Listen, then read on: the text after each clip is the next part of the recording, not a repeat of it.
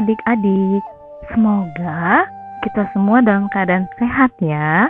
Di hari Senin ini, kita akan mendengarkan renungan dengan judul Mahkamah Agama.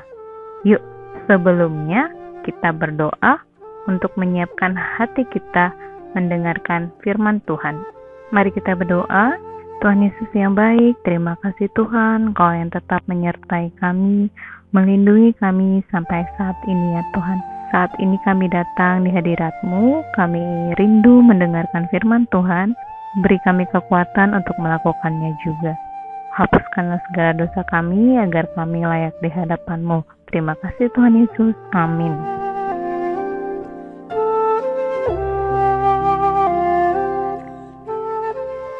Ayat Alkitab hari ini diambil dari Kisah Para Rasul 4 ayat 1 sampai 5. Kisah Para Rasul 4 ayat 1 sampai 5. Tante bacain ya. Petrus dan Yohanes di hadapan Mahkamah Agama. Ketika Petrus dan Yohanes sedang berbicara kepada orang banyak, mereka tiba-tiba didatangi imam-imam dan kepala pengawal bait Allah serta orang-orang Saduki. Orang-orang itu sangat marah karena mereka mengajar orang banyak dan memberitakan bahwa dalam Yesus ada kebangkitan dari antara orang mati. Mereka ditangkap dan diserahkan ke dalam tahanan sampai keesokan harinya karena hari telah malam. Tetapi di antara orang yang mendengar ajaran itu banyak yang menjadi percaya sehingga jumlah mereka menjadi kira-kira 5.000 orang laki-laki. Pada keesokan harinya, pemimpin-pemimpin Yahudi serta tua-tua dan ahli-ahli Taurat mengadakan sidang di Yerusalem. Renungan kita hari ini e, berjudul Mahkamah Agama. Kutipan ayatnya diambil dari Kisah Para Rasul 4 ayat 5 pada keesokan harinya, pemimpin-pemimpin Yahudi serta tua-tua dan ahli-ahli Taurat mengadakan sidang di Yerusalem. Adik-adik, hmm, pada tahu nggak ya arti dari mahkamah agama? Hmm, belum pernah dengar ya? Ya, mahkamah agama adalah dewan atau juri tertinggi untuk agama Yahudi. Kalau dalam bahasa Ibrani-nya disebut Sanhedrin. Jadi, pada saat Tuhan Yesus akan disalibkan, Tuhan Yesus terlebih dahulu dibawa dan diadili di mahkamah agama ini adik-adik.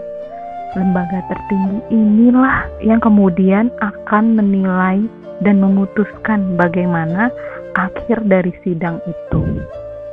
Semua orang Yahudi harus taat pada setiap penilaian dan keputusan itu adik-adik orang-orang yang menjabat di mahkamah agama ini adalah pemimpin-pemimpin Yahudi, seperti contohnya para tua-tua, imam-imam. Nah, mereka lah yang akhirnya menangkap murid-murid Tuhan Yesus. Loh, kenapa ditangkap ya Tante? Karena murid-murid Tuhan Yesus ini menceritakan kebenaran firman Tuhan, menceritakan keselamatan yang dari Yesus Kristus mereka menceritakan itu ke banyak orang. Nah, imam-imam tadi malah menuduh murid-murid itu mengajarkan ajaran yang sesat. Namun, adik-adik tahu nggak? Tuhan tidak tinggal diam. Tuhan tidak membiarkan mereka sendiri. Tuhan Yesus menyertai dan menolong para murid dengan memberikan Roh Kudus. Tuhan memberikan mereka Roh Kudus agar selalu berani menyatakan kebenaran firman Tuhan. Nah, sekarang tante penasaran nih, apakah adik-adik sudah mulai berani menceritakan tentang kebenaran? Apakah adik-adik sudah mulai jujur menceritakan tentang hal yang benar? Kalau misalnya di sekolah ada temannya adik-adik yang berbuat curang, tidak perlu takut ya adik-adik, karena apa? karena telah memberikan Roh Kudus kepada adik-adik dan kepada Tante Eva juga untuk menceritakan kebenaran. Sekarang ikutin Tante ya. Aku mau jadi anak yang berani menyatakan firman Tuhan. Sekali lagi, aku mau jadi anak yang berani menyatakan firman Tuhan. Mari kita berdoa.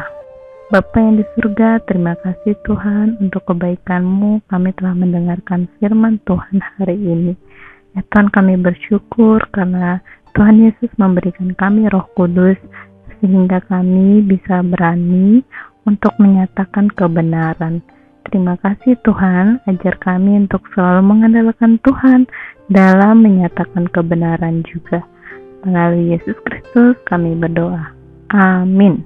Tuhan memberkati.